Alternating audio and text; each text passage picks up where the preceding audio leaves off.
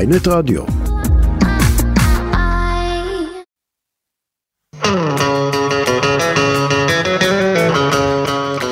מחוץ לפריים, אהלן, איתנו עדן חסון, מה קורה עדן? וואלה רן, מה שלומך? בסדר, בסדר גמור. לפני שאנחנו מתחילים, אני רק רוצה להזמין את כל המאזינים אה, לעשות אה, מנוי ולעקוב אחרינו באפליקציות הפודקאסטים השונות. חשוב. עדן, מה, מה איתך? מדהים, אחי. כן. קצת צרוד היום, לא יודע מה קרה, משהו קרה. אתה לא אבל- חולה או משהו. לא, לא, אני לא חולה. אתה היפוכונדר, אני קראתי עליך. כן, לא, אם תרצה עוד נגיע לזה. מה הייתה לך בעיה עם הזה של המיקרופון, עם הספוג? כן, האמת ש... מה? רוצה להוריד אני כבר אוקיי. אותו? אומר, אני נראה לי אוריד אותו. תוריד, למה למה? כפרה עליך זה... יש פה רובד חיידקים שאין במעליות. זהו, ואז- ואתה שואל אותי אם אני היפוכונדר. לא, אני היפוכונדר בדברים מוצדקים. מה זה אומר? מה זה, איך אפשר להיות היפוכונדר? שהסבירות שתהיה פה חיידקים נורא נורא גבוהה. ואתה מפחד מחיידקים? מחיידקים בפה כן, במיוחד שאני זמר, אני צריך לשמור על הגרון שלי. כמה אתה שומר על הגרון? וואו, אני לא צועק בכלל, רק בהופעות. לא צועק? מתעצבן? ביום שלי? וואו, תקשיב, זה קשה לעצבן אותי, אתה לא מבין. קשה עד גבול הבלתי אפשרי, כי אני בן אדם ששולח הכל לשכל, ואני אומר לעצמי, מה? אני כאילו רוב הזמן מבין למה סיטואציות קרו, ואז זה, זה מונע כן, לי אבל, ה- אבל, אבל להתעצבן. כעס זה רגש בלתי נשלט. זה כמו עלבון, שאתה לא בוחר מתי להיעל- להיעלב ואתה לא בוחר מתי לכעוס, והצעקה היא פועל יוצא של רגש. כל עוד אתה לא משלב את הרוח. הרוח, אה, כאילו זה נשמע קצת מתנשא תגיד, ופילוסופי תגיד, לדבר על תגיד זה. אחי, תגיד. אבל אה, כ- ככל שאתה בעצם אה, אה, מעלה את רמת ה... ה- אני אקרא לזה החיבור לרוח שלך, הם אה, פרספקטיבה בעצם, ואתה ככה גורם לעצמך להבין שכעס זה תכונה נשלטת לחלוטין. זה כמו שיש לך כאב ויש לך סבל. כאב זה לא נשלט, מהמם. סבל זה נשלט.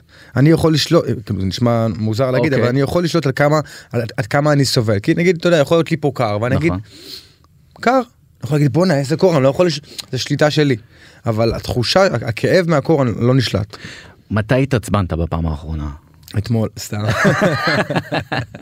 לא, הת- יותר נכון, בוא נשאל, מתי צעקת פעם אחרונה? לא, לא צעקתי, אני לא צועק. לא צעקת אף פעם? בהופעות אני עזוב מרים את הקול. הופעות. ביום יום על בני אדם, וואי, לא, לא קורה לי. אמ, לפני, לפני שבועיים צילמתי קליפ לשיר חשגוזים, מהמם. ובדיוק היינו באמצע לצלם את השיר משהו, ובדיוק עברה מישהי בפריים וחתכה לנו את ה- את השוט. אז אמרת זוזי, זוזי, אנחנו מצלמים. זה- זאת הייתה הצעקה. כן, האחרונה. אבל זה לא הייתה צעקה במטרה לפגוע או במטרה אמ, לייצר איזשהו, אתה יודע, רגוע. לא- אוקיי, עכשיו לקחת אותי למקום אחר לגמרי. אתה אוקיי. מצלם קליפ חשגוזים, איפה צילמתם? באיזו וילה בקיסריה, בווילה בקיסריה. זה אומר שיש שם במאי לקליפ, נכון? נכון. יש צלמים, נכון. יש מנהלים שלך, נכון? נכון. וזה אומר שאתה עדן חסון מבקש ממישהי שתזוז כי היא הסתירה בפריים. כלומר יש כל כך הרבה אנשים שיכולים לעשות את זה בלי שהדבר הזה יעסיק אותך ועדיין אתה מעורב בו. למה? אה, זה כבר נושא אחר לגמרי. אמרתי. אני פריק קונטרול וברמות הקשות, ויש בזה דברים טובים, דברים פחות טובים, אבל אני יכול להגיד לך שרק בזכות זה אני במקום שבו אני נמצא היום, ואם אני לא אהיה על כל הדברים הקטנים, בעיניי זה לא יעבוד. למה? כי בסופו של דבר לי יש תמונה בראש של איך שאני רוצה שזה ייראה. זה כמו סוד, אתה, אתה, אתה מספר גרסה אחת למישהו אחד, הוא, הוא מספר את זה איכשהו, ואז זה עובר לבן אדם השני, אז הוא מחסיר פרט, וההוא מחסיר פרט, וההוא מחסיר פרט, עד שבסופו של דבר זה רחוק שנות אור ממה שדמיינת. וכשיש לי תמונה בראש, אני משתדל מאוד מאוד מאוד להיצמד לפי התמונה שלי בראש. אז אני מעורב גם בתהליך הכתיבה, וההלכי- וההלחנה, הלחינה, אה, וההפקה, והעיבוד, והבימוי, וה- והצילום, בהכל אני צריך להיות מעורב, כי אם אני לא אהיה מעורב, משהו שם מתפקשש בדרך. אבל בסוף יש לך אה, 24 שעות ביממה. נכון. ש- שאתה צריך גם להופיע בהן אה, וגם לדאוג לנפש שלך כי בסוף אומן צודק. הנפש שלו חשובה ו- ואם אתה מנהל את כל הדבר הזה אז, אז משהו אתה עלול להחטיא קצת דברים בדרך. אתה צודק לגמרי, ובשנים האחרונות אני מבין את זה, וזה קרה כשהגעתי לאיזשהו סף של אה, אי סבילות לגבי אה, בואנה אין לי חיים. כי אתה יודע, התמכרתי למקצוע שלי, התמכרתי ללשפר את עצמי על הבמה, והתמכרתי ל- ל- לעריכת קליפים ולכתיבת שירים ו- ו- ולהפקות, התמכרתי לזה כי זה, יש משהו ממכר בלעשות משהו ואז לקבל טפיחה על השכם של אה, בואנה זה הצליח, כי דברים הצליחו. אז, אה, ואז עם הזמן הבנתי שזה גובה כך, מחיר כבד. זה לא עם הזמן זה נקודה אחת שבה הבנת שאין לך חיים תיקח אותי אליה לא מצחיק שאתה אומר את זה. למה נקודה שהבנת שאין לך חיים. כן כן, כי הבנתי, בוא'נה, אני בשעה עכשיו 12 בלילה ואני יושב לערוך קליפ, למה? אתה מבין? אני יכול, אני יכול לשתות בירה עם חברים. אני יכול אה, לשכב בכיף שלי בבית, אבל לא. אה, הנה, אה, אתה יודע, אני כבר בת- בתהליך של אה, לשחרר את זה ולהיות יותר אה, ל- זמין לעצמי, אבל כבר בשבוע האחרון, שבוע שעבר הייתי אצל רן יחזקאל, צילמנו אצלו בבית אה, עם אה, סטילס לשיר שיצא עכשיו, לא תראה אותי בוכה. איך שסיימתי, אצלו, ש- סיימתי ב-12 וחצי. בלילה? 12 וחצי רק הגעתי לחדרה, קפצתי לחבר בשם אביחי שהוא חבר טוב שלי, שותים בירה ביחד אבל גם עובדים. ישבנו ועבדנו על ה... ל- להוציא את, ה... את, ה... את הספה עם אה, שחקנית נועה סטנג'לוב מה... מהפריים ולהדביק את המסך ירוק של כוכבים מתפוצצים. אה, רגע, עכשיו אני שם נקודה, פותח סגריים. אוקיי. אני לא יודע אם תחבירית אפשר לשים נקודה ולפתוח סוגריים, לדעתי אי אפשר. קודם פותחים עדיף סוגריים. פותחים סוגריים. כן, רק אז אחד. אני שם פותח- פותח סוגריים. אתה אמרת השחקנית נועה סטנג'לוב ככה באהלן אהלן בוא נגיד על הקשר האולי לא משפחתי אבל הקשר המעגל הקרוב. קשר משפחתי, מה זאת אומרת? אה משפחתי בבקשה אז תגיד חד לנו את משמעית. הקשר בבקשה. קודם כל אה, נועה ואני חברים מאוד מאוד טובים. כן אה, רק נגיד שיחקה במפקדת שחקנית שעולה ו- ומאוד מוכשרת. אחת השחקניות הטובות והאמוציונליות שיצא לי לראות מהמם. וגם בן אדם מדהים והיא בת זוגו של עמית פרנקו שהוא אח של חנן המנהל שלי נכון. והבן של שרית. שבכלל משפחת פרנקו זה שרית הפקות זה גם סיפור אה. כן. שעוד אה, אפשר לדבר עליו ולא פרק אחד צריך לעשות סדרת פרקים סדרת פרקים. על משפחת פרנקו כן אתה יודע אולי נגיע לזה בהמשך. אמ, אז אתה אומר שאתה ב-12 וחצי בלילה מוציא את הספה אמ, נועה אוקיי. עורך יושב סיגריה ו- ו- בואנה ובירה. חתיכת חוצפן אחד. הרגע אמרת לי שאתה עושה הכל כדי לשמור על הקול שלך בתור זמר שאתה לא צועק כן שאתה- נכון. ואתה מעשן. התדירות של העישון שלי היא לא גבוהה בכלל וחוץ מזה אני חושב שכל דבר זה עניין של מינונים. להגיד לך שאני מהבוקר מעשן סיגרות? לא. מתי אתה מעשן? אני מעשן שלוש סיגריות ביום. כאילו זה זה זמן כזה קפה של בוקר אחרי הופעה וזה או, אני לא מגביל את עצמי אמ, אבל אני זה- אה, נגיד לך את האמת לא מצאתי משהו שימכר אותי. אני לא יכול אני לא יכול להגיד לך אני איך מעשן סיגרות אני מכור לסיגרות אני לא יכול להגיד לך אני עכשיו אה, אמ, אה, לא יודע אה, מכור למסיבות או אין אצלי דבר כזה התמכרויות לא מעניין אותי גם כאילו אין זה לא זה לא היצר שלי. ו... אתה מכור לעבודה אבל. נכון זה מה- אבל זה למטרה שכביכול לקדם את עצמי זה לא ערך את עצמי זה כאילו בשביל בנייה עצמית. אני שוב אני כבר לא מכור לעבודה אני מכור לעבודה בזמן שצריך להקציב לה. יש לי עכשיו את היציאות שלי את החברים שלי את הים שאני מוצא את עצמי הולך לפחות פעמיים בשבוע לים. אה, איך נראה נגיד בילוי בים של עדן חסון אתה יוצא לחוף שהוא עם הרבה אנשים או חוף מבודד או בשעות שאתה יודע שאין אנשים או שלא מפריע לך. קורה משהו לאחרונה שנורא מעצבן אותי אוקיי. זה תופעת ה... בואו איתי ואני אגלה לכם חוף חדש אה, בטיקטוק. אני אגיד לך מה אני הולך לחוף סודי מאוד מהמם. חוף מדהים, הם, אה, לא רחוק מהבית שלי. אה, ההתארגנות היא נורא נורא פשוטה, שקית של לא יודע, רמי לוי, כן, תכף אני אני אגיד לך אני אגיד לך למה אני מחייך נו נו. שקית, רמקול, בלוטוס, מגבת, הם, אה, קצת פירות, אבטיח חתוך זה, אתה חותך? אני חותך, כן, אני חותך אבטיח נדיר. אתה יודע גם לקנות את האבטיח? אני, יש לי דורין מה- מהשוק שלי ב- ליד הבית, אני שולח לה הודעה, אתה רוצה איפה טלפון, אני אשלח את ההודעה. ב- אבטיח בסוגריים, מתוק, מתוק, מתוק, זה צריך להיות שלוש פעמים מתוק. כי אם יש פעמיים אז יכול להיות לא... יש סיכוי שנפקשש, יש סיכוי ש... לא, אבטיח נמדד בשלושה קריטריונים, וואה. כן, טמפרטורה, מתיקות ומרקם. מהמם. ספר לי איך אני אמור לגלות את זה כשאני בא לשוק. זה רק אחרי שאתה וקונה? נותן ביס. אז כשהוא סגור אתה לא יכול, אני קונה רק חצי אבטיח דרך אגב. אבל אתה יודע לראות? עמית, אתה רואה- אתה רואה אבטיח? אתה- לא, איך רואים שזה אבטיח טוב בוא. אתה מסתכל על האבטיח, קודם כל הוא צריך להיות אדום, אדום, אדום, אדום, אדום, והוא צריך להיות כזה כמו כמו זכוכית, הוא צריך להביא לך איזשהו ברק להחזיר אליך את האור של השמש. אם לא, זה אומר שהוא ספוגי ובפנים קרני השמש מה נבלעות מבפנים. עושים אם האבטיח נמצא בצל? איך אני יודע שהוא מחזיר לי את אז אתה הברק של הולך שנייה השמש? לשמש ואתה... אה, את יפה. בואנה, עד כדי שומע? ככה אתה משקיע? קח את הטלפון שלך, תעשה פלאש, אם אתה רואה שהקרן אור חוזרת אליך, אבטיח נדיר תאכל. מילה. מילה שלי. אפשר לבוא ואחר כך להתלונן? לא. תגיד, ס- אתה עד כדי כך פרפקציוניסט שכאילו כדי לקנות אבטיח אתה, יש את הקריטריונים? אני חייב להראות לך- להראות לך את השיחה עם ה- עם דורין. איפה הפלאפון שלך? הנה. תביא אותו. תראה איזה שיחות יפות יש לי איתה. רגע, היא עובדת ב... מה זה, בשוק שוק או חנות שנקראת שוק? זה- לא, זה- זה שוק- זה ש- זה חנות, זה חנות ירקות. ופירות. ושם אתה, אתה כאילו, אתה הולך בוחר או שזה מגיע אליך הביתה היי במשלוח? דורין, בוקר אור. תראה לי, אני רוצה לראות בבקשה. רגע, אני, אני רוצה להקריא כדי פה עניין של אמינות. איידורין בוקר אור, שני אבוקדו בשל, חסה עלי בייבי, טרד, ג'ינג'ר, שני בצל, כוסברה, חמישה גזרים. חמישה גזרים, אה, שישה, חס וחלילה. חצי אבטיח שיהיה פצצה, בננות שיהיו בין לבין, חבילת תמרים, חבילת סלק, והוא שכח, אז הוא הוסיף גם אגוז פקן. כאילו, שלא אה, נתבלבל. אבל אתה יודע, קנייה נדירה. כן, דברים תשמע, טובים. אני כשאני קונה לבת שלי, אני מקפיד ככה מתוק מתוק, אה, בננות בין לבין, אתה יודע. לא, כי אם מגיע- מגיע לך עכשיו בננה, שהיא, אתה יודע, ירוקה, ואתה בדודה לאכול בננה, מה אתה צריך לחכה אחריו יומיים? נכון, אבל אז... זאת אומרת, תעשי לי חצי כאלה, חצי כאלה. אבל אז היא נרכבת מהר מדי, זה גם, פה בעיה, תשמע, זה סיפור לקנות פירות, זה לא עכשיו לק- כן. פה לכתוב נכנס- שיר. פה נכנס כבר האחסון. וואה, כן, שמה איך יש לך זה... דרך- יש לך דרך להאט להאט את את היכולת שלהם להתבשל וגם להאט אותה. כן, שזה מה, לעטוף בניילון נצמדת למעלה? את העיתון.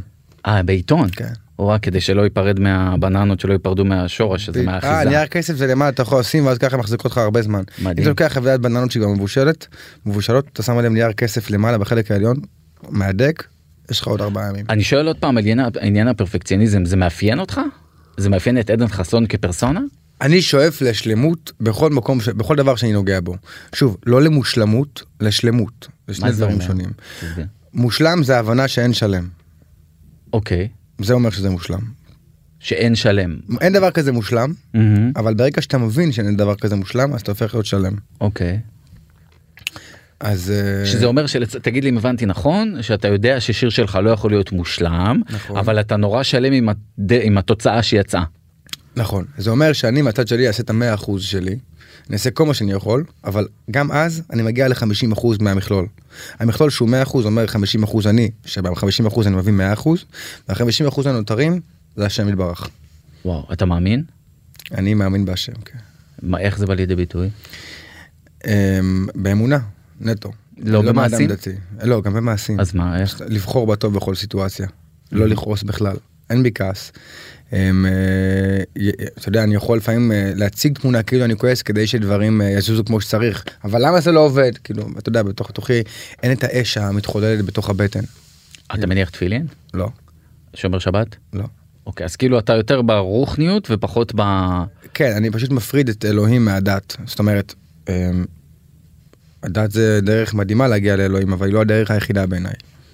כאחד שהיה דתי. וואו זה, זה כמו המושלם אבל לא שלם אתה רוקד פה בין העולמות. לא, לא, לא, מה? תספר לי. דת, יש לך הרבה דתות, יש לך את היהדות, יש לך את האסלאם, את הנצרות. נכון. אני כמובן מאמין, מאמין שהדת היהודית היא הדת הא- הא- האמיתית. כולם אמיתיות בעצם, אבל uh, אני חושב שהקשר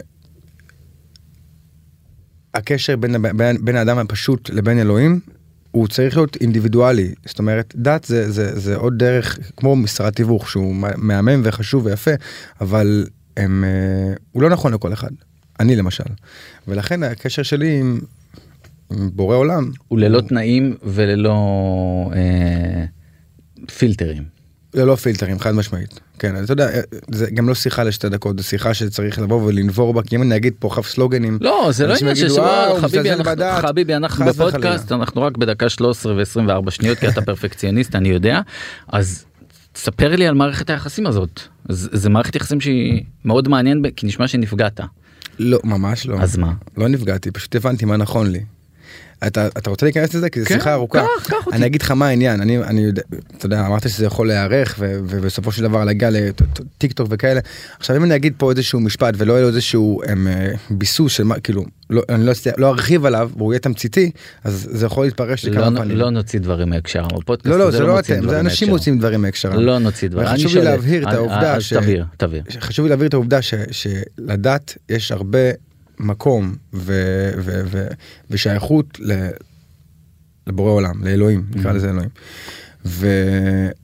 וכאחד שהיה בדת, אני אומר לך שיש בזה דברים מאלפים. מה זה ומדהימים. היה מה זה היה בדת אני לא- נולדתי בחור דתי, אוקיי. היה פעוט מאחורי האוזניים, אמא שלי כיסוי ראש עד היום, אמ, יש לי הרגלים דתיים, אני קם בבוקר, אני נוטל ידיים, אמ, אני מברך אשר יצא כשאני יוצא מהשירותים, אמ, הרגלים, אה. הרגלים. עכשיו, עם הזמן, שאתה יודע, שהכרתי אנשים והבנתי בעצם שיש עוד דברים בחוץ, שאתה יודע, אני עד גיל 18 לא היה לי מושג מה זה אתאיסט. אמ, לא ידעתי- לא ידעתי מה זה רפורמי, לא ידעתי מה זה מישהו שהוא לא יהודי, כ- ככה גדלתי. רגע עדן היית מתלבש עם לבן שחור כזה כן. חרדי מהמם. עד גיל 18. לא, עד גיל צעיר, אבל הפאות נשארו עד גיל 16 והכיפה ירדה בגיל 18. אוקיי. אה, זה, ואז כאילו, עם הזמן אמרתי לעצמי, אוקיי, אני עושה פאוז להכל, כי במשך בעצם כל השנים... יצאת בשאלה. בהתחלה יצאתי בשאלה, היום אני בתשובה מלאה. אני, המושג יצאת בשאלה הוא לא, צריך להגדיר אותו אחרת מחדש, בעיניי. תגדיר. כי אני לא בשאלה, אני לא דתי אבל אני לא בשאלה, אני לא שואל שאלות, יש לי תשובות להכל. יש לי תשובות להכל, אני, אני יודע שיש אלוהים, אני לא, אני לא מאמין, שיש, אני יודע שיש אלוהים. אז אה, עכשיו, אין לי, אין לי שאלות נוספות, אני יודע הם, אה, ש, שהעולם נברא על ידי אלוהים, הוא גם נברא על ידי המפץ הגדול, פשוט מי שצריך את המפץ זה אלוהים. אה, זה תהליך, זה, יש, אני מאמין באבולוציה. מהמם. אבל היה רגע אחד שבו החלטת שאתה גוזר את הפאות? הייתי צעיר, הייתי בגיל 16 כשהורדתי את הפאות. אמ, אה, קח אותי, קח אותי. קח אותי לרגע הזה שאתה קם בבוקר ומחליט לגזור את הפאות, או שזה... קמתי, אני זוכר שהלכתי לבית ספר, אה, באת- אני זוכר רק שבאתי לבית ספר בלי פאות, והמורה שלי הסתכל עליי בעיניים ואמר לי, אני מאוכזב ממך. כן, ואז כזה, היה לי איזושהי בעיטה בבטן כזו, ואמרתי לו, טוב, לאן זה לקח אותך? זה, זה הביא לי איזושהי תחושה ראשונית בחיי, פעם ראשונה בחיי שהרגשתי את, ה, את פריקת העול. הבנתי שבעצם אה, אני אדון לעצמי עכשיו, אני לא מרצה יותר. בגיל מסוים, בגיל 16. זו תובנה מאוד עמוקה לילד בן 16, שבסוף אנחנו רק מתחילים, אתה יודע, להבין מה קורה אצלנו. אני חושב שהרבה אנשים, אפילו בגילאים אה, מוקדמים יותר, חווים את הדברים האלה, פשוט אה, לא, לא מקדישים את הזמן לחשוב על מה שקרה איתם, ובעצם לא מדברים על זה. ואתה הקדשת את הזמן לחשוב למה קרה איתך? לא באותן תקופות, אה, בד- בגילאים גדולים יותר, שיכולתי בעצם להיזכר ולהגיד, בואנה, חוויתי ככה, ככה. אבל וככה." מה הוביל אותך לגזור את הפאות? כי לגזור את הפאות זה לא רק ללכת לספר מספריים וביי. זה... באותן תקופות, אתה גיל 16, אתה לא חושב יותר מדי מה מוביל אותי. יש רוצה, לא רוצה. ככה? מחליט כן. שאתה לא רוצה את הפאות? כן. ומה אימא אמרה? Mm-hmm. אם ההורים שלי היו סבבה עם זה. כן, הם, אה, ההורים שלי תמיד אה, היו סבבה עם כל מה שאני עושה. יש לי הורים טובים. מהמם. ומתי הפסקת להניח תפילין וכזה? בגיל 18. ושם קרה אירוע ספציפי או שזה חלק מהתהליך? שם עדיין לא הייתי מספיק מחובר לעצמי כדי להגיד לך, אני מפסיק להניח תפילין, כי אני חושב שזה לא, לא יודע, לא, לא, לא, לא, לא תורם, לא נכון לי, לא, לא הייתי במקום הזה, אמ, אבל עשיתי את זה כי, כמו שהרבה אנשים עושים היום, אין להם כוח. היום, אני יכול להגיד לך שתפילין זה דבר מדהים, ויש לו יכולת לקשר אותך לבורא, כאילו, ממש כמו, כמו אנטנה. כן. אמ, היום אני מדבר עם אלוהים ב- ב- בדרכים שלי. אני מתפלל, אני בודד, אני, אני מדבר איתו ממש פיזית, תעזור לי. מה זה, מה זה, מת- אתה מתפלל מה, פותח ספר תורה כזה לבד? לא, מה? אני יושב באיזשהו מקום, אני, אני מתחיל בתודה. אמ, אה, על מה אתה מודד? אלוהים שבשמיים, תודה רבה על כל מה שיש לי בעולם הזה. אני קודם כל מודה על זה שאני בריא. תודה על זה שאני בריא, תודה על זה שיש לי משפחה, תודה על זה שיש לי עבודה, כן. זה הסדר? תודה על זה שאני מוערך. זה הסדר? כן. אתה יודע שאני מוערך, שאני עושה את מה שאני אוהב, אתה יודע, אנשים קמים בבוקר, הולכים לעבודה, ויש להם פקקים, ויש להם לחצים, וההוא מדבר עם ההוא, וכל כך הרבה כאב ראש על הבוקר, ולי יש את הפריבילגיה לקום בשעה קצת יותר מאוחרת, ולהתחיל את היום שלי בקצב שאני רוצה. כאילו, אני, אני מאוד מאמין בנגיד עבודה חופשית, שכל אחד יעשה מה שהוא אוהב, אבל אני יודע שזו פריבילגיה. אני יודע שזה לא, לא מתאפשר ל- ל- לרוב המוחלט של בני אדם, לא רק בישראל, בכל העולם. ואחרי התודה מה אתה אומר לו? אחרי התודה אני מתחיל לבקש. אתה אחרי שאני קודם מבקש? כל מודה על מה שיש לי, תודה, אה, אני מודה על זה שיש לי בית, שיש לי משפחה, שאני בריא, שהכל, מתחיל לבקש. אלוהים שבשמיים חסר לי ככה וככה וככה. אבא שבשמיים הייתי רוצה שזה ככה וככה וככה, אבל שתדע שגם ככה אני מסתדר. גם ככה אני מסתדר, אבל הייתי רוצה ככה וככה. והמקום הזה שאתה הולך אליו הוא מקום ספציפי או שזה יכול לקרות בחדר בבית או בים? זה יכול לקרות בכל מקום, בכל מקום. מה המקום הכי הזוי שעשית? שפתאום הרגשת את הצורך הזה של רגע היום לא התפללתי. אמ, קרה לי לפני הופעות נגיד שהרגשתי שאני פשוט אני שפשוט אני משהו משהו פשוט לא עובד אצלי באנרגיה הרגשתי נגיד שאני כבוי הרגשתי שאני לא בטוב וכאילו יש סיכוי שההופעה הזאת הולכת הולכת כפות. וביקשתי פללתי אמרתי איפה מאחורי הקלעים כזה? כן מאחורי הקלעים שתי דקות לפני שעליתי. אמרתי אלוהים שבשמיים הלוואי הלוואי שההופעה הזאת תצא כמו שצריך, ובסוף הייתה פגז, כן? הייתה הופעה היסטרית. הרבה בגלל מה שהם, אה, אתה יודע, הדלקתי את עצמי. אמרתי לעצמי, אוקיי, אני במצב הזה, אני חייב לבקש, ואני אוכיח לעצמי שמה שאני מבקש מתקבל, ואני אתן את המאה אחוז שלי. תגיד, ומפריע לך שנגיד אנשים רואים אותך עושה את זה? כי זה רגע אינטימי. אני הולך, אני הולך לפינה בצד, בטח, אני מרגיש לי קצת אה, קלישאתי לבוא ולדפוק כזה, שמע ישראל מול מלא אנשים כזה, ו- ואנשים, אה, הוא מתפלל. לא, אני אוהב את הצד, את הפינה שלי. אני חושב שהשיח שלי עם, עם, עם בורא העולם צריך להיות אה, אישי ואינטימי. ו- וחגים וכיפור וכזה אתה... מכבד, עושה, בטח. הם, אה, אני הולך לבתי- לבית כנסת עם אבא שלי ב- בחגים, כל פעם. בואנה, זו מערכת יחסים מורכבת יש לך. יש לי מערכת יחסים מורכבת אה, עם הבנה שאני מסגל לעצמי דברים שנכונים לי, ואני לא מתחנחן ומתחנף ואומר, אה, ככה, אז ככה אני עושה. לא. יש דברים שאני מסכים איתם, יש דברים שאני לא מסכים איתם. עם מה אתה לא מסכים? הרבה דברים, אבל אתה יודע, כמו? זה... כתוב מצד אחד בתורה שמי שמחלל שבת צריך לסקול אותו באבנים, זה מות שהוא מת. Mm-hmm. אני יכול להגיד לך שאני לא, אני, לא- עם הפרשנות אני לא מסכים, אבל... אה, מה עוד? יש הרבה דברים, זה לא, זה לא...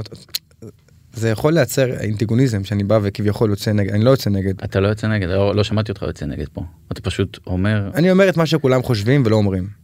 "אמ, אז למה אתה מפחד? אני לא מפחד, אני פשוט שאלתי אותך חושב. מה עוד אה, לא מקובל עליך. Mm-hmm. אה, אני יכול להגיד לך מה עוד לא מקובל עליי, מהמם. אבל זה מצריך מחשבה, תחשוב. אז זה ייקח לנו זמן. בוא נעביר נושא. ש- שמתי לב, אני אגיד לך עדן, אה, לא יהיה לך פה קל. בסדר? ואני גם לא, אני, לא, רואה שאתה, שומע? אני רואה שאתה מתמודד עם זה, אני אגיד אני לך יכול מה להתמודד עם שמתי כל לב. דבר שתגיד לי. אני אגיד לך מה שמתי לב. אני חייב, ל- באמת, אני... אתמול ישבתי, אני אוהב uh, לעשות את השיעורי בית שלי על המרואיין לפני שהוא מגיע לכאן. יש פעמים שלשיעורי בית שלי, אני מודה, לוקחים חצי שעה, ויש פעמים שזה לוקח שעתיים, ויש פעמים שזה לוקח יותר. ושמתי לב שאתה, הסיפור שלך הוא כאילו, הוא פתוח, אבל אתה אה, לא אוהב ל- לדבר על דברים מסוימים, אתה כאילו, אין לך בעיה שיגידו את זה, אבל אתה לא אוהב להיכנס אליהם. נכון. למה? כי בסופו של דבר, מה שאתה בוחר להציג מול מצלמה, והבן אדם שיפגוש אותך, שתפגוש ביום יום, הם שני אנשים שונים, עם כמה שתנסה לאחד ביניהם. אין מה לעשות, אם אני, אתה, אם אני ואתה עכשיו נסגור מצלמות ונדבר על שיחה פתוחה, אני יכול להגיד לך הרבה דברים שאני לא אומר מול מצלמה. למה? כי אני בן אדם ויש לי רגשות ויש לי תחושות ויש לי דעות על העולם. עכשיו, אני מבין ש... שמע, אני אומר הרבה דברים שאני חושב, אבל אני לא אומר את כל מה שאני חושב. למה? כי יש לך, דעה, יש לך דעות מרובות, ואני גם אומר לך בכנות, אני דואג לעצמי. אני יודע שיש דברים שאני יכול להגיד ש... שהתפרשו לא נכון בין אנשים מסוימים, וזה יכול לרוץ הלאה, וכל אחד... חוץ מזה, אני, אני, אני זמר, מה אני צריך להתעסק בדו- בדברים אחרים? אני צריך להתעסק במוזיקה. אני לא, אבל חושב ש- נגיד, הייתי מקבל את התשובה שלך, קודם כל אני מראש אומר לך, שחררתי אותך מה- מהשאלה ההיא, בסדר, אני לא חוזר אליה. לא, זה לא שזה עכשיו בא ויושב לי פה על הגרון. אתה יודע. תיזהר, אני עוד אחזור, אני נותן לך על הרי הסולם לרדת מהעץ, אתה מחזיר אותו. תודה, תודה רבה לך, אני יפה. מעריך את זה מאוד. אז, אה, אז אני משחרר אותך מה, מהשאלה הזאת, אבל אתה אומר, אני זמר וזה זה נכון, אבל הייתי מקבל את התשובה הזאת אם לא היית, אם הייתי שואל אותך נגיד על פוליטיקה, או על נושאים שהם, שמע, יש דברים שהם, אה, אם יש משהו שהוא יותר, יותר אה, נתון לפרשנות מפוליטיקה, זה דת. אני חושב שדת זה דווקא יותר מפוליטיקה. אבל דת, אתה, יש לך את ההבנה המלאה שלך, בטח בתור ילד שלמד בבית ספר דתי, שהיה לך, אה, היה היה חרדי. יש לי דעות על הכל, יש לי דעות על דת ועל פוליטיקה ועל, ועל אה, מ- מצבים חברתיים וכלכליים ו- ו- וביטחוניים, יש לי דעות על הכל. אז אתה, אתה מתעניין? אתה אדם שקורא? אני אדם ש... שפיתח דעה מסוימת, להגיד לך שהדעה הזאת היא רלוונטית לכל מי, ש... לכל מי שחי במדינה הזאת, לא. היא, דעה, היא רלוונטית ונכונה לי. למה? כי בסופו של דבר לי יש את הצרכים האישיים שלי, לי יש את, ה- את, ה- אתה יודע, את ההשקפה שלי על העולם מה- מה- מזווית עיניי, ו... ו... ובגלל זה אני, אני מוליך אותה אך ורק, משליך אותה אך ורק על עצמי. מה שנכון לי לא נכון לך או לכל בן אדם שצופה בנו עכשיו. אתה כותב את רוב השירים שלך, אני כותב את רוב השירים שלי. נכון? כלומר אתה... ראיתי בכתבה באנשים, אני חושב, שיש לך איזה אלפיים שירים בטלפון כזה שהם כן. כן. שמורים, נכון? אמ, אני יכול לזהות דברים, עדן, שאני לא אשמע אותם ברעיון ואני יכול לזהות אותם ב- בשירים? בטח. דברים שלא תגיד לי אותם, אבל אתה כן מעביר אותם דרך המוזיקה? כן, אני אוהב את הסבלימינל מסג'ים האלה. שכי, אה, וזה לוקח לך, כאילו יש דברים שאתה לא תעז להוציא החוצה? כאילו נגיד משהו זה שכתבת עניין על של יעז, מערכת יגיד- יחסים אישית, או משהו שהוא ברמה המשפחתית, או משהו שהוא כאילו... זה לא עניין של יעז, זה עניין של מה נכון. בסופו אוקיי. של דבר, כמו כל בן אדם שמשווק איזשהו משהו החוצה, מוצר או משהו כזה, הוא חושב, אוקיי, האם זה נכון לי? וכן, אני פועל גם על פי מה שנכון לי. וואלה ואת השיר נגיד אחד השירים שלך שאני הכי אוהב זה גדל לי קצת זקן. וואלה, תודה. כן. אה, כי זה שיר שלדעתי היה לך גם מאוד קשה להלחין אותו כי המילים שם אני חושב אתה אתה יודע אתה יכול להגיד לי שאני טועה. אתה טועה קצת, אבל אבל אני אה, תגיד יכול לי, להבין אנחנו- למה אתה חושב שזה ככה, כי היה- יש שם אה, מילים שמאוד קשה להלחין. בדיוק זה. כן, שזה כאילו היה יש שם לך, סיפור. היה לך נורא, זה בדיוק, זה היה לך נורא, כאילו, המילים שם זה ממש כמו סיפור, שבסוף למצוא לזה את הלחן, פ- פחות קריטי, הלחן. כאילו, אתה כל כך רצית לספר את זה. אז אני אגיד לך מה העניין, השיר הזה ספציפית, אה, כמו הרבה שירים שלי, נכתב והולחן בו זמנית, זאת אומרת, אני עובד בצורה של לפצל את המסך של הטלפון לשניים, צד, צ, למעלה יש לך את ההקלטה, למעלה, למטה יש לך את כתיבת הטקסט, ואז אני בעצם, תוך כדי שאני כותב את המילה, אני בודק רגע, היא נכנסת לי פה במשקל של הלחן, ואם וואו. כן, אבל זה לא מכניס. פוגע באותנטיות? ממש לא, ההפך זה מייצר תמונה, זה מייצר תמונה אחידה. זאת אומרת שהמילים והלחן הם כגוש אחד, הם מקשה אחת. וזה לא כאילו אה, התפשרנו פה על הלחן כדי להגיע לפינה או על הטקסט, לא. זה מייצר לך 100% מוצר ש, שכולו רקום עור וגידים. כמה זמן לוקח לך לכתוב את השיר הזה, נגיד? לא, אתה יודע מה, מהרגע הכתיבה ועד הרגע שיש לך מוצר, כאילו, לפחות לרוץ איתו לחדר הקלטות. השיר באולפן. הזה נכ- אה, התחלק לשניים. אה, אם אני זוכר נכון, אה, התחלתי לכתוב את השיר הזה לפני, אה, כאילו, בזמן מסוים, ורק אחרי, ואז עזבתי אותו. מה זה זמן מסוים? איזה ערב אחד אה, ב- כשגרתי בדירה בחריש שכרתי שם דירה כתבתי אותו וכל פעם שבאתי לכתוב את, ה, את, ה, את ההמשך את הבית השני והפזמון הרגשתי שזה אני מתבכיין מה אני מתבכיין עכשיו שחרר אותי מהנושא הזה לא בא לי לפתוח אבל לא אתה יודע אתה יכול לכתוב על שיר רק כשהפצע הגליד סופית וכשהתחלתי לכתוב. הפצע עוד לא, הגד- עוד לא הגליד אז כל פעם עצ- עצרתי את זה בצד אה, וחיכיתי לזמן שהוא יגליד הבית השני נכתב אחרי שהוא הגליד זאת אומרת יכולתי לבוא ולדבר על מה שעברתי והרגשתי מזה בסדר. אז הבית הראשון נכתב בזמן מסוים ומשהו כמו חצי שנה שנה לאחר מכן נכתב הבית השני איך אתה יודע מתי זה מגליד? אתה מרגיש את זה. כאילו, כשאתה בא ל- ל- להשלים את הכתיבה, פתאום אתה מרגיש אם זה קל לך יותר? כן, אתה לא, אתה מרגיש שאתה, שאתה לא נלחם במשהו. אתה מבין? ברגע שאתה כותב שיר ואתה אומר לעצמך, לא יודע, לא כיף לי, אני מתמסכן, אמ, אני פותח פת, פת, פת, אה, פצע פצע פתוח, פתוח. פתוח, לא רוצה, לא נעים לי, לא כיף לי, בוא נעבור שיר. אתה יודע, הייתי כותב את השיר הזה ומיד לאחר מכן הייתי משכין את זה איכשהו לשיר אהבה, והייתי אומר, אה, נפגע האותנטיות, גונס את העסק. אבל אה, בשלב מסוים אתה אומר, אוקיי, אני משאיר את זה עד לפה, אני לא נלחם בזה. מש- ו- ומתמודד עם זה כשאני במקום אה, בריא יותר. אבל זה היה זה זה היה כל הסיפור הזה בוא, בוא נגיד אה, גדל לי קצת זקן זה בעצם מדבר על זה שהרגשת בודד שהעליבו אותך והזקן ברגע שגדל לך הזקן אז ככה כיסית את הצלקות ההן ואז אתה מטאפור, כמטאפורה. כן כן אה, זה לא באמת שהזקן גדל ואז הצלקות אה, זה וואלה, האמת שאין לי שום צלקת על הזקן. לא ה- הצלקות מטאפוריות אתה אומר הזקן אני כאילו, התכוונתי הזקן כמטאפורה, בטח, אתה יודע, רוב הצלקות שהן קשורות ללב, הן כתובות לך על הפנים. נגיד אם מישהו עכשיו בא ואמר לך איזשהו משפט ופגע בך, אתה תראה לו את זה על הפנים. וכשזקן בזמן גדל, אה, אמת אתה תראה את זה או שאתה יודע לראות את זה על בן אדם אנשים שיכולים להסתכל לך בעיניים אה, ולראות מה עברת, יגידו לך מה, יגידו לך מה עברת. אתה יודע לראות את זה כן. אתה יודע לראות נגיד אם יש לי פצע. אה, אתה יודע, זה- לכל אחד יש פצע. לא, עזוב, הש- אתה אתה- אתה יודע לראות את הצלקות שלי מתחת אני יכול- לזקן? אתמול אני- קיצצתי אגב, נו. אני יכול להסתכל עליך אה, ולהשיג תמונה מסוימת, ובעקבות התמונה אני אדע לשאול אותך שאלות מסוימות, שיגרמו לך לענות לי תשובות מסוימות, ואז אני אעשה איזשהו מערך של שקלול מסוים ואני אוביל אותך לנתיב, ל- ל- לאיזשהו משהו ואז אני בעצם אסכום אותך. אבל אה, בא זה לי- לוקח בוא- זמן, בוא צריך נעשה. היכרות. לא, לא, לא.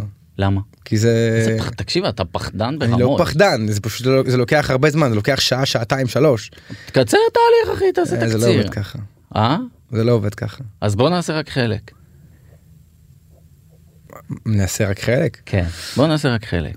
שמע, זה, זה לא יעבוד. למה? ככה, כי, כי קודם כל שאני מול מצלמה זה אחרת לגמרי, אני אבל אתה בורר לא. מילים. אני אין, בורר- אחי, אתה לא מול מצלמה. אה, אין פה מצלמה? יא, לא, בסדר, זה כמו באח הגדול פה, זה שלוש מצלמות רובוטיות. נושא חדש. פשש.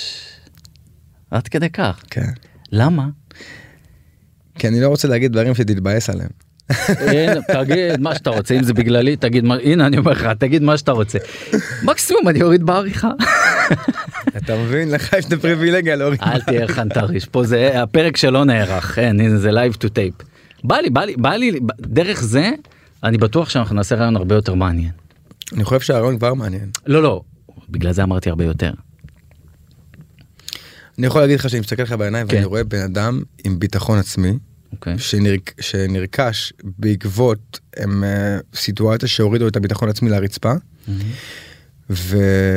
והוא בנה את עצמו בעקבות הסיטואציה והוא הגיע למקום שהוא שלם עם עצמו בעקבות הדבר הזה. היום אתה חושב שאני שלם עם עצמי? בעיקר בזכות, בז- בעיקר בזכות איך שהסתכלת עליי שדיברתי איתך עשית לי כזה ככה. הרמתי את הראש. הרמת כזה ככה כאילו אמרת אוקיי אוקיי אוקיי אוקיי אוקיי אני אתמודד אני אבחר להתמודד עם מה שהוא אמר לי. זה, זה, זה, ה- זה, ה- זה האינסטינקט ה- החייתי שיש בנו. אוקיי זה, זה נגיד דבר קטן שראיתי. היא גם סגירת פה שלך אומרת משהו לא עכשיו. שמה? היא אומרת של אה, היא אמרה לי משהו של אה, יש משהו אבל זה לא מספיק מדויק. מהמם. כן. תגיד, אתה, יש לך אינטליגנציה רגשית? יש שיגידו שכן. והיית רוצה שתהיה לך פחות? אה, בהתחלה כשהבנתי שהיא פוגעת בי כי הייתי ערני להרבה דברים היום אני לומד למנן אותה. מה נגיד היית ערני שלא היית רוצה לראות? או אמרתי לך מראש, עדן, לא לא היה לך קל פה אני היום. בן אדם שרואה הכל. אוקיי. זה, זה, זה פגע בי נגיד הייתי יושב עם חברים ובשלב מסוים הייתי פשוט אה, מתנתק מעצמי ממש והייתי בתוך הראש של כל אחד מהנוכחים בחדר. מה אתה אומר? כן הייתי הייתי כאילו שואל את עצמי למה הוא אמר את זה למה הוא עשה את זה אוקיי הוא עשה את זה ככה בגלל שזה וזה וזה אוקיי בוא נמשיך נעבור לבן אדם הבא. כאילו ממש אה, איזשהו אמ, אז כאילו לא היית גם נהנה מהישיבה האחרונה. לא הייתי מוצא את עצמי מיואש מותש והולך הביתה מוקדם בגלל שהייתי הייתי הייתי ממצה את הכל הייתי חוזר הייתי זה כמו לראות טריילר של סרט. זה כמו לראות סרט בעצם אחרי שכבר כולם עוד לא ראו אתה יודע מה הולך לקרות כן. וזה יצר אצלי איזשהו איזשהו תסכול. וביקשתי באמת אמרתי "בוא, אני מרגיש שאני רואה יותר מדי דברים בחדר אתה יודע מתי זה קרה לי מהמם. כשהתפרסמתי אוקיי. איכשהו איך, ברגע שהתפרסמתי הם אה, וכאילו אני, אה, הרגשתי שיש עליהם מצלמות 24/7 ואני צריך לשקול מילים והכל זה חידד אותי ברמה ששם את הסקיל שלי בשמיים בכל הקשור ל- לראיית השטח מסביב והייתי רואה הכל. פגע לי בחוויה, פגע לי באותנטיות, פגע לי בהרבה דברים, ועכשיו אני בתהליך של כביכול לצנוח ולרדת לאט לאט אל, ה, אל, ה, אל הפשטות, כי שם נמצאת כל החוויה. וואו. אתה, כן. אתה, אתה כאילו אומר זה פגע לי באותנטיות שאתה אומר שבעצמך לא היית אותנטי בפרק זמן אני מסוים. יכול להסתכל על הרעיונות שלי בהתח- בתחילת הדרך ולהגיד מי אתה? מה זה כאילו יושב שם בן אדם מהודק ומפולפל שיודע בדיוק מה צריך לענות אבל זה לא מה שהוא מרגיש. אבל זה היה כי אמרו לך להגיד את זה או כי אתה זה כי כן אני אמרתי לעצמי להגיד את זה אף אחד בכם לא אמר לי מה לעשות. זה לא דף מסרים כזה זה אגב להמון אמנים יש את זה בוא נגיד להמון אמנים באים לרעיון שהם יודעים בדיוק מה הם יענו על השאלה xyz והם עושים גם הכנות לפני זה וזה בסדר. העניין הוא שאתה אומר שאתה גרמת לעצמך לא להיות אותנטי ברעיונות. אני גרמתי לעצמי לא להיות אותנטי בר... נכון? נכון כי, פר... כי מאוד היה חשוב לי להציג את עצמי איכשהו. והיום כבר לא אכפת לי איך אני מוצג אני, מכיר- אני מרגיש ש... כאילו, זאת אומרת אכפת לי בגבול מסוים. אני שם לב. כן. אמ, אה, חשוב לי שאני אצא טוב, אבל גם מצד שני אני אומר לעצמי, אוקיי, עד לפה. פה כבר נמצא העדן שבו אני לא פוגע. לא פוגע זה אומר גם לא נכנס. לא נכנס, זאת אומרת, יש לך את עדן חסון, ה- הדמות אוקיי. המוכרת, ויש לך את עדן, שזה אני. שלום. אז, אז תגיד הייתה לך בעיה עם זה שאמרתי לך לפני שהמיקרופון נדלק אמרתי לך אנחנו פה עדן ורן זה לא עדן חסון מתראיין לרן בוקר ממש לא, שמחתי דווקא. אבל אתה אמרת עכשיו שיש מקומות שעד עדן שאתה לא תיגע בהם שזה עדן. יש מקומות, אה, בס- יש גם מקומות שאתה גם לא תיגע בהם, אתה יודע. נכון אבל אבל אני אין לי קשר ישיר עם קהל כאילו ברמה כזאת שאני תלוי בו. מהרגע שאתה תופס מצלמה ומיקרופון יש לך קשר, כי אתה פתוח לביקורת ציבורית. אוקיי אבל הפרנסה שלי לא תלויה בזה השלך תלויה בזה. נכון. אז אבל זה- זה עדיין, ההבדל. כל אחד חשוב לו שיתייחסו אליו, ש... אתה יודע, כל אחד חשוב לו ש... שמה שהוא מרגיש וחושב ית- יתפרש ויתברר בצורה שהוא רוצה. ו... אוקיי. אתה מרגיש מוערך היום עדן? כן. בוא נוציא את הקהל שלך החוצה האם אתה מרגיש מוערך היום לא מהקהל שלך אה, ברמה האישית? כן. כאילו גם ברמת תקשורת וגם ברמת אה, תקשורת וקהל זה שני, זה שני לא, אז אמרתי אזורים. בוא נוציא את הקהל החוצה. בוא נתייחס לבן אדם, זאת אומרת, אם אני מוערך בפני החברים שלי, כן. או המשפחה שלי והסביבה, אני בטוח שכן. אני, אה, אה, כן, ולא בעיקר ב- בזכות ה- כביכול ההצלחה. כי אני מרגיש שאני נשארתי באמת אותו בן אדם. אני- ה- ה- הרמה שלי, יצירת הקשר שלי עם החברים שלי היא באותה רמה בדיוק. אמ, אין דבר כזה, אל תבלבל לי את המוח. אני לא מבלבל לך את אה, עזוב, המוח. נו, מה, אתה, יש- אתה אמרת שאתה, יש לך, אה, שאתה עובד 24/7, שאתה מקליט, שאתה זה, ואז לפני זה לא היה לך, אתה לא היית צריך להקליט ולא היית עובד 24/7. יש הבדל בין איך לגרום להם להרגיש לבין להיות איתם פיזית. אתה יודע, אני יכול לא לראות אותם יומיים שלושה, אבל לגרום להם להרגיש שאני איתם.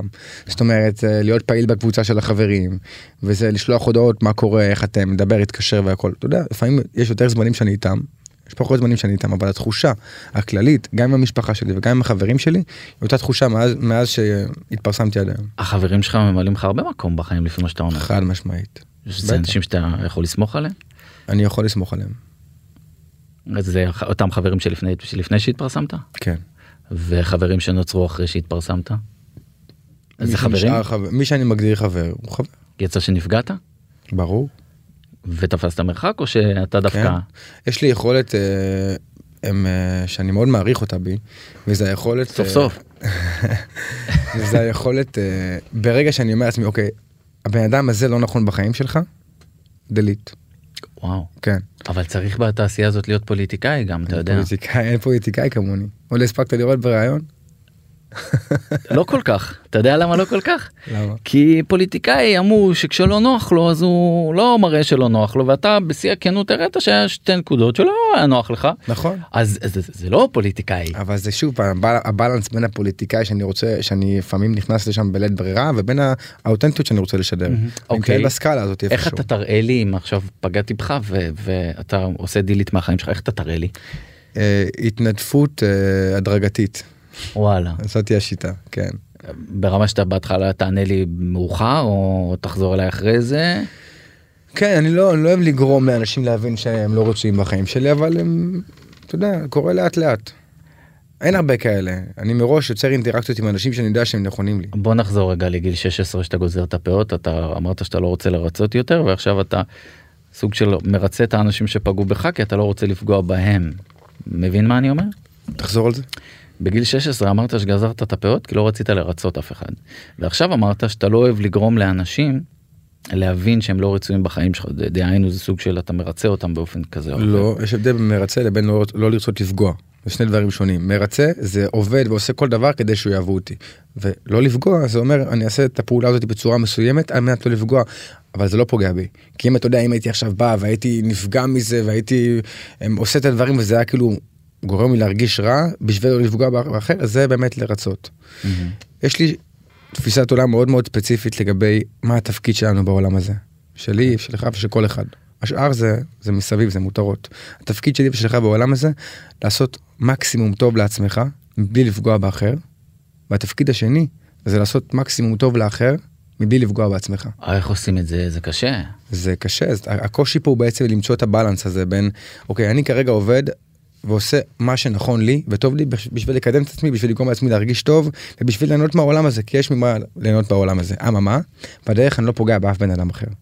ופה הקושי נמצא כדי למצוא את הבלנס הזה, כי... אבל מה זה, תשמע, יש היום תחרות נורא גדולה בעולם, אתה יודע, אני קורא לזה, אה, בעולם המוזיקה בכלל, ובפרט אצל הדור הצעיר יותר. כל אחד מכם רוצה לפתוח אה, פארק ירקון, כל אחד רוצה לפתוח נוקיה, כל אחד רוצה שהטיזר שלו להופעה תהיה יותר מושקעת. ואיך זה אמור להפריע לי? כי אתה פוגע. במי? בסוף אם אתה בתחרות, בתחרות נפגעים. תשמע, עם כל מה שאתה... אני לא רואה שום צורה בה פגעתי באמן כלשהו בגלל זה שהופעתי בשב- בגלל שהופעתי בפארק הירקון. אז הופעתי בפארק הירקון, אם מישהו בחר להיפגע מזה זה בעיה שלו. לא, ה- התחרות אבל, אתה בסוף, הוא קונה כרטיסים אליך, אה, לקוח, צרכן, מעריץ, חובב מוזיקה, קונה כרטיסים אליך, זה כנראה אומר שהוא לא יקנה כרטיסים למישהו אחר, אתה מתחרה על האוזניים שלי, פה מול- נכנס למשפט דברים שביכולתך לשנות תשנה דברים שאין ביכולתך לשנות אל תשנה אני לא יכול הם, אה, לשנות את זה שהוא קונה כרטיס להופעה שלי ולהגיד לו אל תקנה תקנה לזמר אחר כי Mm-hmm. אתה יודע זה כבר פוגע בעצמך מתקשר למשפט שאמרתי "ת- תעזור לאחר בלי לפגוע בעצמך אבל אתה לא אני מרגיש שאתה בתחרות עדן? אני לא מרגיש שאני בתחרות. לא, אתה יודע, אני, בסופו של דבר, ה- ה- אני אומר, אני מרגיש שהקהל שם אותך לפעמים באיזושהי משבצת. אה, זה מתחרה בזה, וזה מתחרה בזה. לא לא בוא נגיד עזוב בוא נגיד שמות כן אני כמו שעשיתי הכנה וקראתי וראיתי רעיונות אין אחד שלא דיברתי איתו ואמר לי תשמע בין עדן חסון לעומר אדם יש תחרות סמויה. מישהו יודע מה אני מרגיש, מישהו שאל אותי את הדבר הזה, אני לא בתחרות עם אף אחד. אני מעולם לא הרגשתי בתחרות עם אף אחד, אני גם לא במשבצת של, של זמרים שאתה מציג. אני לא במשבצת של עומר או של אה, אייל, אתה יודע. מה זה אתה- משבצת? תגיד לי אתה, אתה אמרת משבצת, אני דווקא אמרתי שאתם באותו... אה, אבל אתה שמת אותי, אתה הצמדת אותי כביכול לפרסונה, אז תגיד לי ב- באיזה משבצת אנחנו... אני איזה מניח משבצת שזה אנחנו שני חולקים? זמרים צעירים יחסית, כן, עם אה, להיטים, שהקהל שלהם הוא קהל צעיר, צעיר, לא צעיר, אה, שהקהל שלהם הוא קהל צעיר, אה, ו- ואתה יודע, צורך אותם, אוקיי, מתקשר עם עומר ה- מופיע, נכון? כן, הוא מוערך. כן, אני מופיע, מהמם. אני מוערך. מהמם. מה הבעיה? אוקיי, אתה אומר יש מקום לכולם, יש מקום לכולם, ויש מקום, אם אתה רוצה לדחוף עוד 15, יש גם מקום לכולם. כן. בסופו של דבר, זה גם תקופות, אתה יודע, יש תקופות שזה יותר בולט, זה יותר בולט. אני מרגיש שאלה ש, שמתעסקים בכל התחרות הזאת, יושבים באיזושהי, באיזשהו ריבוע, וכל אחד מנסה להרים את הרגליים שלו קצת יותר גבוה כדי להגיד, תראו אותי, תראו אותי.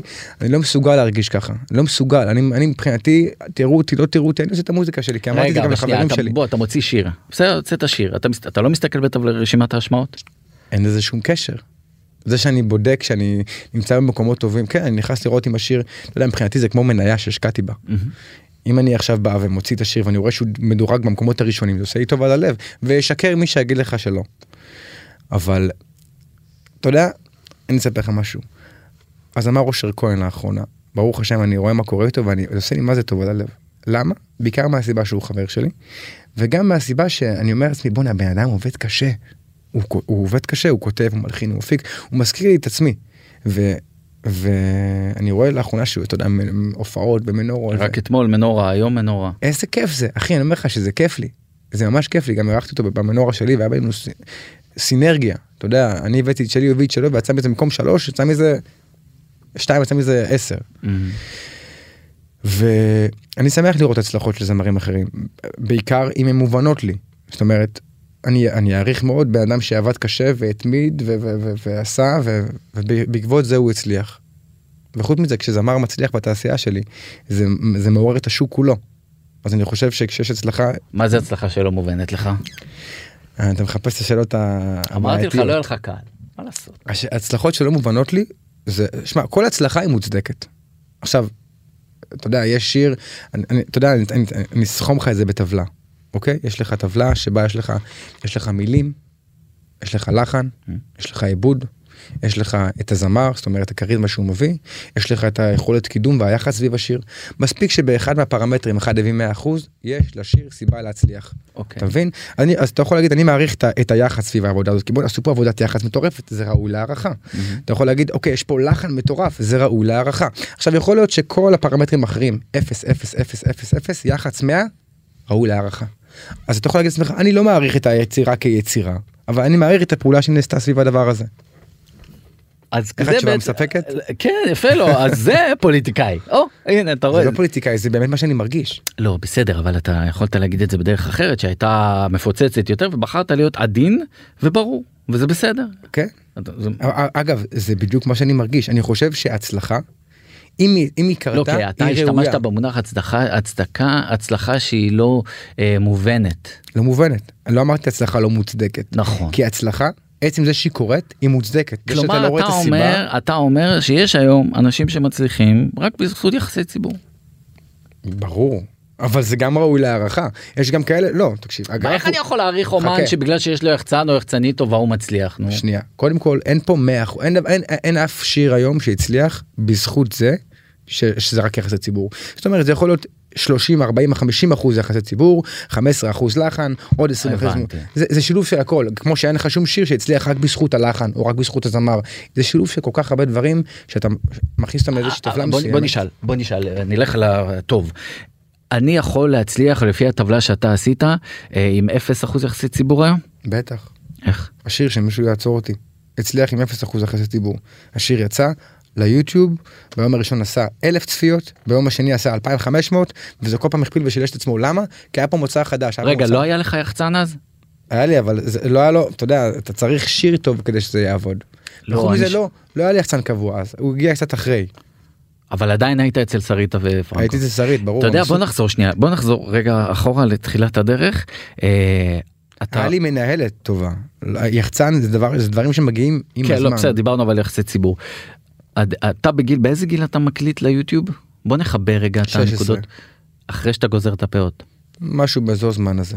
לא, אני הורדתי את הפאות ב- לפני, זה לא נכון, אני, אז- הם, אה, אני, אני כנראה הטעיתי אותך. אני הורדתי את הפאות בכיתה, בכיתה ה', אה, כן, וואו. כן, כן, בכיתה ה' הורדתי את הפאות. בבית ספר היה לי מורה, ואני זוכר את הסיטואציה, כן. זה היה בית ספר דתי? כן.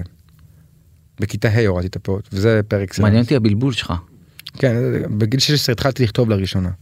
מהמם. מהמם. התחלתי לכתוב, ל- אתה יודע, וכל היום מסביב. אוקיי, אז בג- בכיתה ה' אתה אומר, וואו, זה מייתר את כל החלק הראשון של הרעיון, מה עשית לנו עכשיו? איזה רעיון שאי אפשר לערוך אותו. כן. הגזמת, קרו עוד הרבה דברים. ב- ב- לא, אני אגיד לך למה אני אומר, כי בכיתה ה' זה אומר, בואנה, יש לך, אתה יודע, ילד בכיתה ה' זה או שזה מאוד עמוק, או שזה החלטה כאילו, אה, ספונטנית. כן, של ילד. יש סיכוי שזו החלטה, החלטה של ילד בכיתה ה'. אני הרגשתי שהתחלתי לקחת בעלות על החיים שלי רק באזור גילאי 15-16. אז יכול להיות ששם בגלל זה טמון הבלבול שלך. אז אתה אומר שבגיל 16 היה, התחלת לכתוב וזו ההקלטה הראשונה שלך ביוטיוב.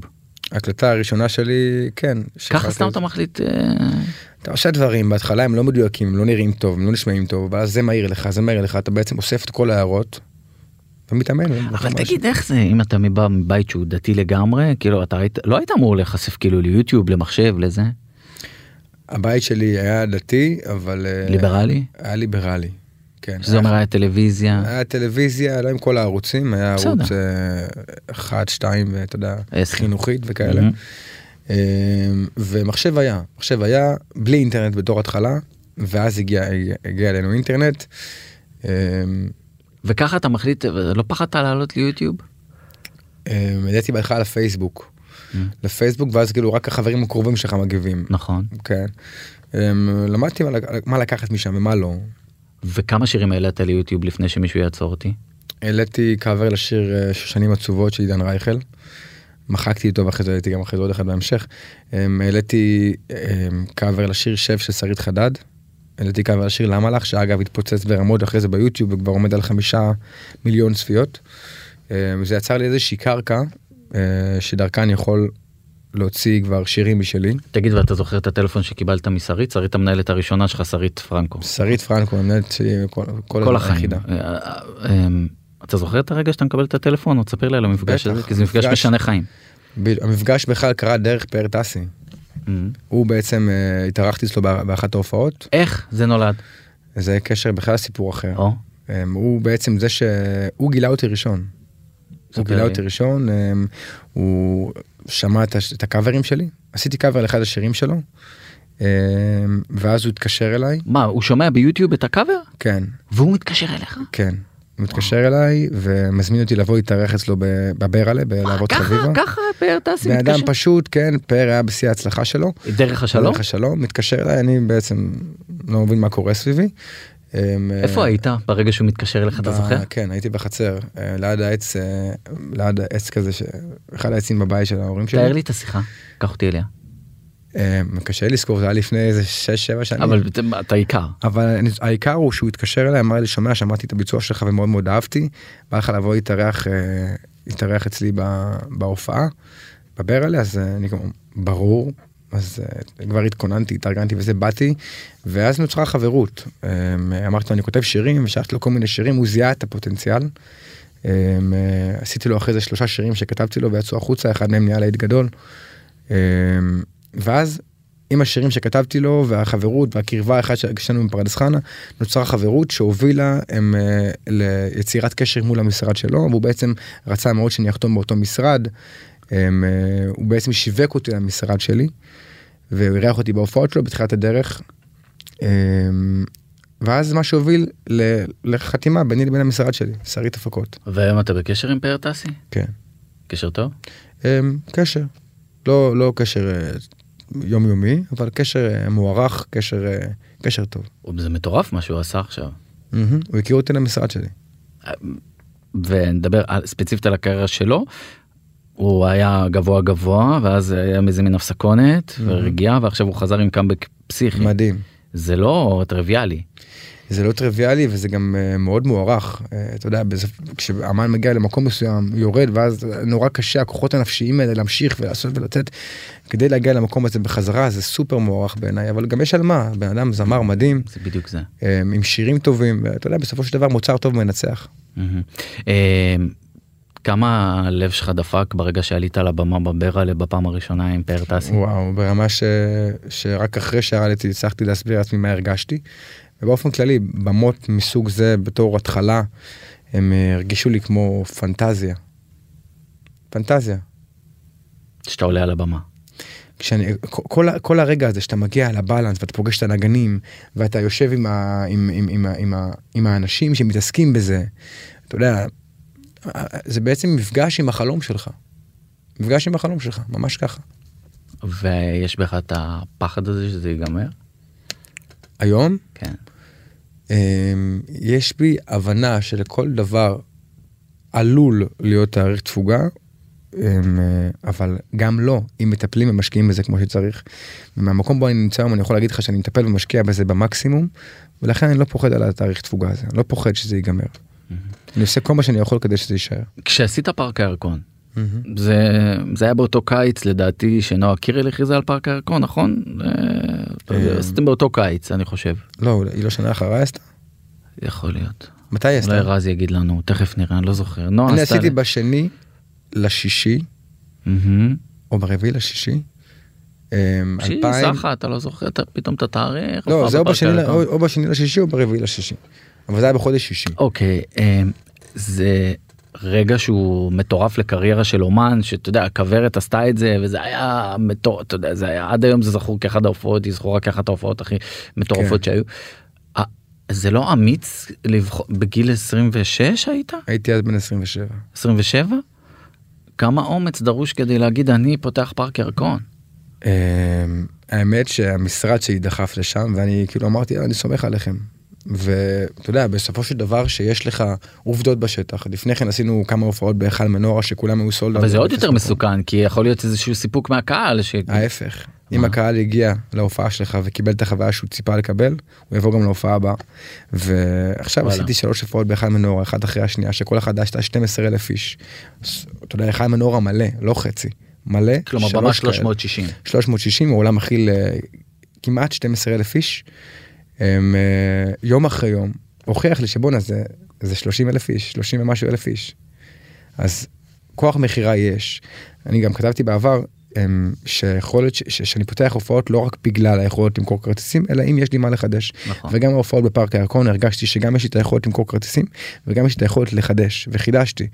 אמ, המופ... כל מופע בעצם נראה אחרת לגמרי מה- מהמופע שקדם לפניו. ואם זה אמיץ, כן, אמיץ ואני גם גאה ב- במהלך הזה. זה מהלך ש...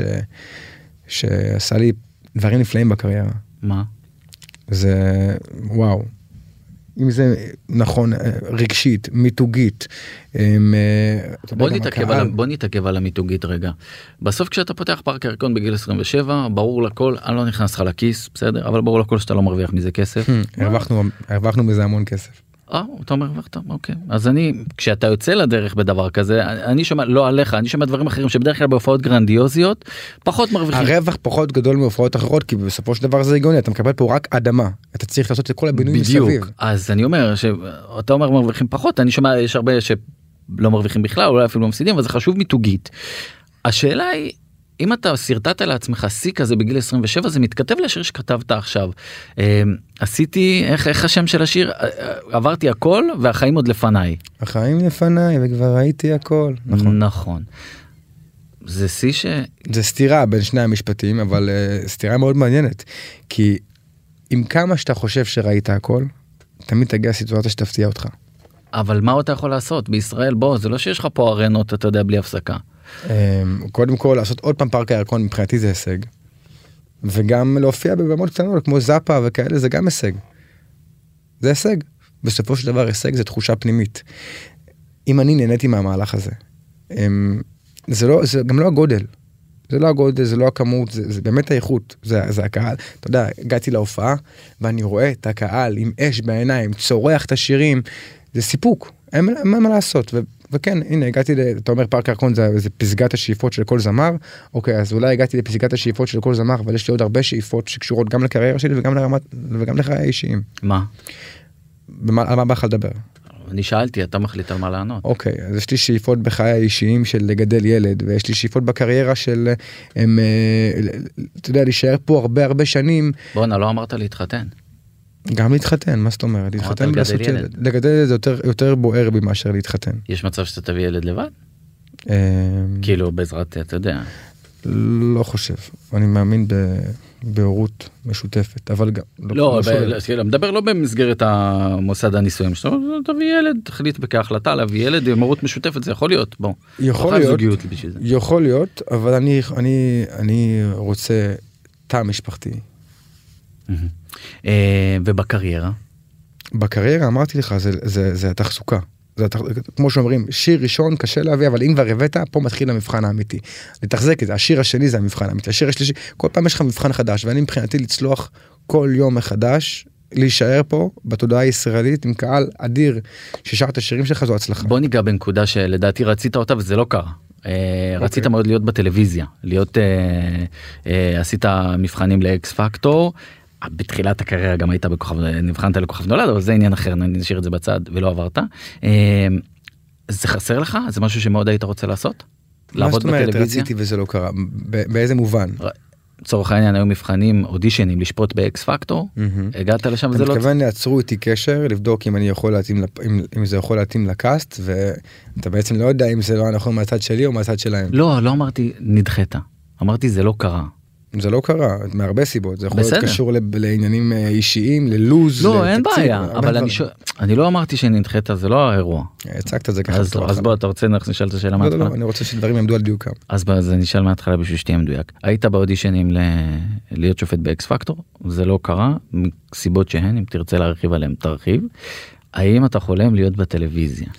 אמ, חולם זה הגדרה גדולה מדי, אני יכול להגיד לך שאני יודע שיש לי מה לתת, ובסופו של דבר אם זה יסתדר לי מבחינת לוז או מבחינת דברים שאני רוצה להביא איתי, וגם מבחינת הצד השני, אני אשמח שזה יקרה.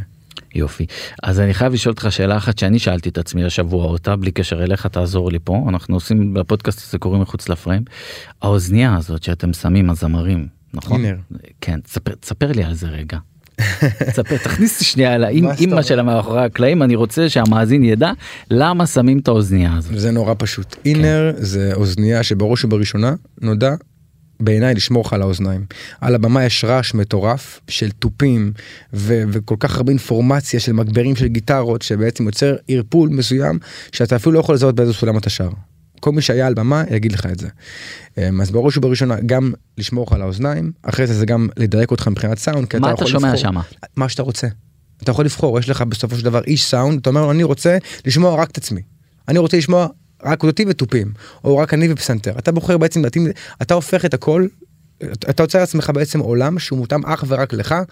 אני עושה לעצמי איזשהו בלנס כזה שהוא משיג לי את כל הכלים בווליום מסוים שנכון לי גם אני אומר לו שים את הגיטריסט רק מצד ימין כי זה הצד שהוא נמצא ואז אני יכול להסתכל עליו על פי מה שאני שומע. אתה יכול בעצם ליצור איזשהו עולם מותאם לעצמך באוזניים שמדייק אותך ברמות ואני מרגיש שכשאני מינרים יש לי את הביטחון לשיר בסולמות נורא נורא גבוהים ולעשות כמו בעצם החופש שלי מגיע כשאני עם אוזניות אינרים. ו- יש דברים שלא משתמשים באינרים. שזה בעיניי הם אה, פחות א' פחות בריא וגם אה, פחות מדייק אותם. מהמם. וקרה לך פעם שקרה איזה תקלה טכנית ונאלצת להתגבר על ה... בטח אם קורית לי תקלה שפתאום האוזניה לא מתקשרת נכון עם, ה... עם מי שמפעיל את אתה מוריד כבר. הסאונד אני מוריד אני חי עם מה שיש. מהמם. טוב, עדן חסון, וואו, אה, זה היה אתגר. זה היה אתגר, לא? מה לענות על השאלות שלך? ה- הרעיון בכלל. אני ממש אה, עשייה. נהניתי. גם אני מאוד. היה אני אה, כיף? אוהב אתגרים. כן, הרג- הרג- אם הרגשתי מאותגר, כן, היו רגעים ש- שבאמת הייתי צריך קצת ל- לשאוב קצת יותר איי-קיו ממה שנמצא שם. אבל באופן כללי אני יותר נהניתי מאשר אותגרתי. גם אני. עדן חסון, וואו, אני רוצה להגיד לך תודה רבה רבה שהגעת אלינו. אה, היה לי כיף גדול, גם וזה לי מחמיא ממש. שהגעת אלינו. אנחנו נסיים ונגיד תודה רבה לעורך שלנו רז גרוס, ונגיד תודה רבה לטכנאי שלנו נדב... ברכה התותח. אה, ואנחנו מזמינים אתכם תמיד להאזין לנו בכל האפליקציות הפודקאסטים השונות ולעשות עוקב ומנוי. עדן חסון, תודה. תודה לך, רן.